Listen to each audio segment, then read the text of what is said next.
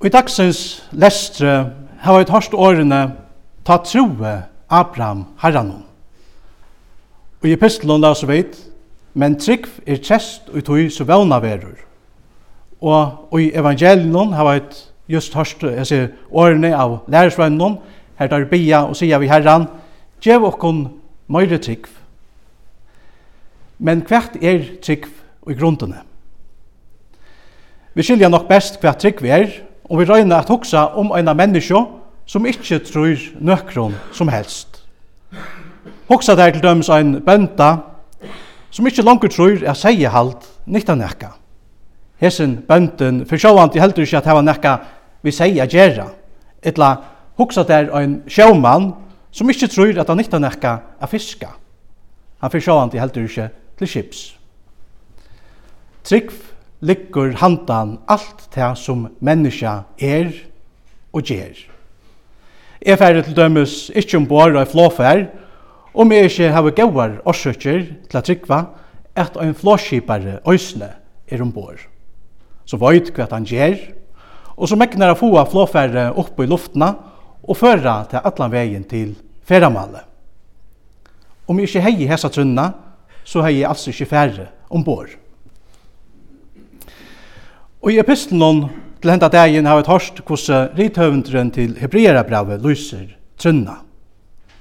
Vi at lysa trunna vi årenon trest og samføring, legger han denta at bibelsk trygg ikkje er ein auutøkjelig vevn som er grunda av høylasbona og ikkje hoksan. Nei, tvarstur i måte er trygg fast og allit av Guds lyfter og Guds gjerningar. Vi trønne skoa vi ikkje øynans skapanarverkje, men øysni han som skapanarverkje pøykara og vittnar om. Etla som vi øysni av hørst i epistelen om. Vi trygg fætta vid at høymeren er skipavur vi Guds åre, så det som sast ikkje vore til at høy som er til kjentar. Bøybelsk trygg er så at ikkje hitt blinda alite og et lopp og i myskrenom. Her at møte i bøybisk trygg, hitt samførda alite og hinn evja god som hever åpenbæra seg fyrir jokken. Han hever åpenbæra seg og i sunnum skapanarverskje og i sin høyla åre og i personen Jesus Kristi. Og i evangelien har vi hørt lærersvennerne sier ved Jesus. Gjev okkom meire trygg. Og lukka som lærersvennane kom til Jesus vi hese bøn, så er det òsne mong menneskje i det, som kjenner av seg at de mangla trygg. Ikke minst ser man hekta tja mongon erlion strujande menneskjon, som ikkje hava nekka anna hakri innskje i hese ver, enn just hekta at kunna tryggva at høyra sindana fyrirgjeving og at vera vois ui at de er jo verilige godsbøten.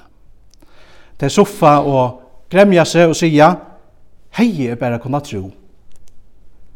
Men hva skal jeg gjøre ta jeg da ikke etnas mer at tryggva, spyr jeg deg. God sier at jeg skal tryggva, men det er nemlig hekta som er omøvligt fyrir meg.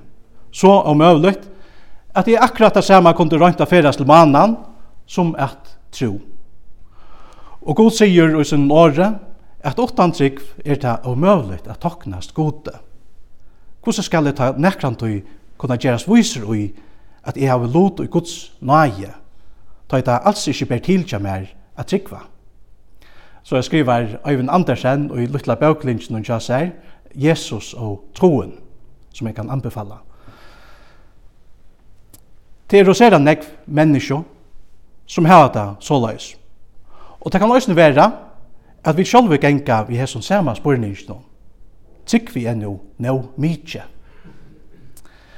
Og vi færa til bøypna, så sutja vi korsne, at Guds ord ångantøy sier at det er tryggven og seg sjálvun som frelser okkom. Det sutja vi, ta vi lesa til dømes Johannes 3, 16, er det stendur, Det er så elskar i god heimen at han gav sånn søgn hinn øynbarna til tess at øynekvær som tror av han ikkje skal glættast, men hava evigt liv. Og Johannes 3, 36, her stendur, han som tror av sonen hever evigt liv. Og rævra brevet 21, det skriften sier, hvert han som tror av han skal ikke være til skammer. Så her sykja vi at det ikke er tryggven i seg sjolvon, men tryggven av Jesus som er til avgjørende. Og i seg sjálvun hefur tryggven ongan avgjerande tøytning fyrir jokkon. Hært med at hefur hon einast tøytning og i jausen hon av hvert hon okna seg og hvert hon grøyper om. altså, tatt og spyrst, nær er jeg en kristen, så sværa god og sunn året at til at du trust av Jesus. Og tatt og spyrst, Hvordan gjeres det en kristen? Så sverar god vi er tryggva av Jesus. Så einfalt er det. Det er korsen negv som ikke suttja hekta. Jeg må hava trygg. Tryggven er jo en treit for at vera frelstor, sier dei. Men her at møte sier gods år, at det er tryggven av en avvisan person som er det avgjørende, nemlig at tryggven av Jesus. Da vi tar oss om hvordan er menneska for lot og i frelsene, så har det så slett lydig å si om en tror. Alt er treyte av kvønn en tror av. Etter røysen nekka som Øyvind Andersen understryker i sin bøklingsnå. Om lærersvennerne er langt og høtt og trygg fra man undan, hvor beger det så Jesus om at djeva honom, eller djeva tøymon møyre trygg? For å få svære på tannspørningen, må vi først gjøre oss fær om det som er hent bønt fra man omtann. Jesus har nemlig sagt nekka sere alvarsamt vi lærersvennerne. Bønt og æren til å komme til Jesus vi hese bønnene om å få mer trygg. Jesus sier, det er omøvligt anna enn at møgnboer koma, men vei tøy som det koma fra. Det er bedre for han, at ein minnestøyner var hongtur om halsen av honom, og han var kastavur i heve, enn at han skulle være ein møgnbøye for øynum av hesson smavo. Hittje om dykk og sjalvar, om brauer tog sintar, ta hev eit honom, og om han irast, ta fyrir djevon. Og man skjeiferer om dagen sintar i møte der, og skjeiferer kommer aktor til døgn og sier, er irist, ta skal du fyrir djevon etter det som stender i de første versene i kapittel 16, Lukas er evangelium kapittel 16, vers 8-4. Etter hese alvarsom og årene fra Jesus er det at lærersveinene så gjerne bian om at djeva dem meira trygg. Og det kanskje heller ikke så løye da man hokser om det som Jesus akkurat har sagt. Og i taimon første versen og i evangelien etter Lukas, kapittel 16, er det særlig tre som vil vera understryka fyrir okkom. For det fyrsta, hekta at det blir herrande om vissar a vera en møgnbøye fyrir teg som høyra Jesus til. For det nasta, det er at det er avgjerande at fyrir djeva øron menneskjon. Og så fyrir det tria, trygg er avgjerande og nekka at du mått myklasta i ötlun høymenon. Det första malet som Jesus er inne i er sära alvarsamt, som sagt. Det blir herran det omvissar att vera en møgnbøye fyrir det som høyra Jesus til. Hauas glede bådskaperen jauar til atlar syndarar, så kommer Jesus korsene vi ein noen vøyråpe iver ötltei som bera møgnboar iver hansara elskau bøden. Åre møgnboie kjemur fra hinn griska skandalon, som sipar til eina fettlo, eina orsøk til at snava, eina orsøk til frosting og sint. Ein meinbøye kan til døms vera hekta at ein løyer ånder inn og sint við sin egnu åron og gjerningum. Ein meinbøye kan òsne vera hekta at ein helt utøksliga røyner at vera ein hindran tjataimon kristno. Hese sint var hans største tro øysene sekker ui, og er han venti om. Toi lyser Paulus seg sjálvan øysene solais.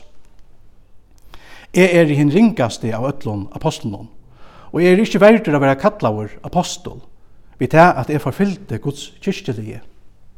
Og så sier han en, en ærestandes, Mer hinnon allar minste av öllun høylavun var henda nægin given. Og aftur sier han, Jesus kom inn i høymen av frelsa syndarar og tørra middelen er i er fremstor. Vittnesboren, tja Paulusa viser okkon Jesu vilja og mått til a frelsa òsne tei som er kommet lengt bostor av løy. Paulus, forfylgjaren, tan største syndaren, møtte Jesus og var frelstor.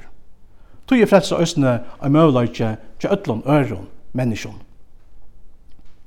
Herrans armor er ångkantøy og stottor til a bjerga okko menneskje. Og dette har vi også sjálfur oppliva og i mun egna løyve. Og jeg halte at mun egna vittnesborder Lutjes nek tøy som David òsne sier i sønnen uh, Salma, i Salma 4, vers 2-4. Han sier, Etter herran hon jeg hava troliga boia, og han se bakte til mun og hørte mitt råp. Han drå meg opp ur undergengses djupe, ur til botlesa døytje.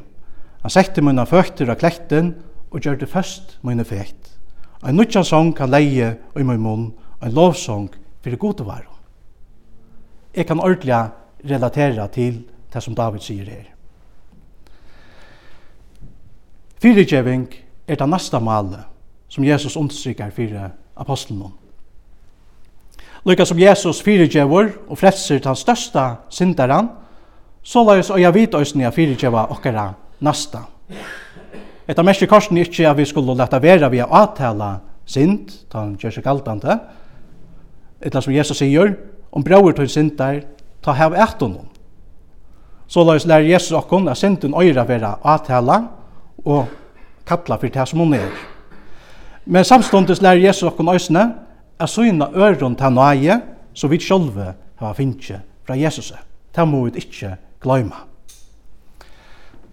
Lykka som vi det og dagliga få syndana fyrirgjeving, da vi enkre okra synder og gjotta ter fyrir gode, så la oss øya vidt oss dagliga søgna tøymon, som synda i møte okkon hinna somon og eina. Og etter oss det som ligger i feivar, så vi bia jaunan. Fyrirgjev okkon synder okkara, så så vid oss fyrirgjeva tøymon vi møte okkon synda bia vit. Jesu avværing imot at vera i møgnbøye fyrir øynene av hansara smavo, og hansara kærlagsfotla og fyrirgjevande sinnala, skapa i sujane øyna nei i uh, apostelen. Og tog er det òsne at det koma til Jesus vi hese bønne. Gjev okkon møyre trygg. Om en kristen er stator og i nei, så venter han seg jo til Jesus og i bøn. Og det gjør han ikke til at han skal gjera det, eller tog at han sjálfur hefur avgjørst det. Nei, Arne han nekran tog hefur hugsa om det, og Arne bønnen er åra og i setningom, så merker han hvordan hjersta byrjar a råpa av Jesus. Hetta er trygg. Det samme galdande, om man kommer i nei, eller synda nei, hjersta troar etter Jesus og tog som han hefur gjørst, det som han hefur fullgjørst man er glævor, så mestrer han og i seg sjálfun hvordan hjersta byrjar å takka Jesus. Så i grunnene så er trygg ikke nekka som vit uh, kunne skapa og gjøre sjálfun eller takka, men nekka som vi foa og man fra. Om ein kristen her at å byrjar at hitja inn i seg sjálfan, for å finna trunna og i sunn om egna hjersta, så vil han kjøtt møtleisur og fettlur og fått. Det tar seg man bare seg sjølvan. Det som ikke kjenner hinn tryggvande, er her at møte hekta, at han omkant kan finna nekra trøst og i sin egno tryggv. Men så kjøtt som han fester sin eio og en annan person, av Jesus, og at det som god har giv i okkon og i Jesus, ta ferran mot og frumøt. Torske presteren Kristian skriver, Jeg vil sagt det så løys. Vi vujtjande trunne tja hinn og tryggvante, er det så løys at hon er sterskast just ta og hinn tryggvante sjolver heldur at han ikkje meknar at tryggva, men ma krøtja seg til året. Og i den samme bøklinjen som jeg snakka om, Jesus og, og troen, sier norske godfrøyngren og pratikumauren, Øyvind Andersen, Øysene, Mengan ta eva stattur i nei, og alls ikkje hei trygg til at vera hjáltur, veri korsni hjáltur, tog at jeg i öllum munum egna hjálparløyse fikk løyve til at løyta mer sjål tja Jesus.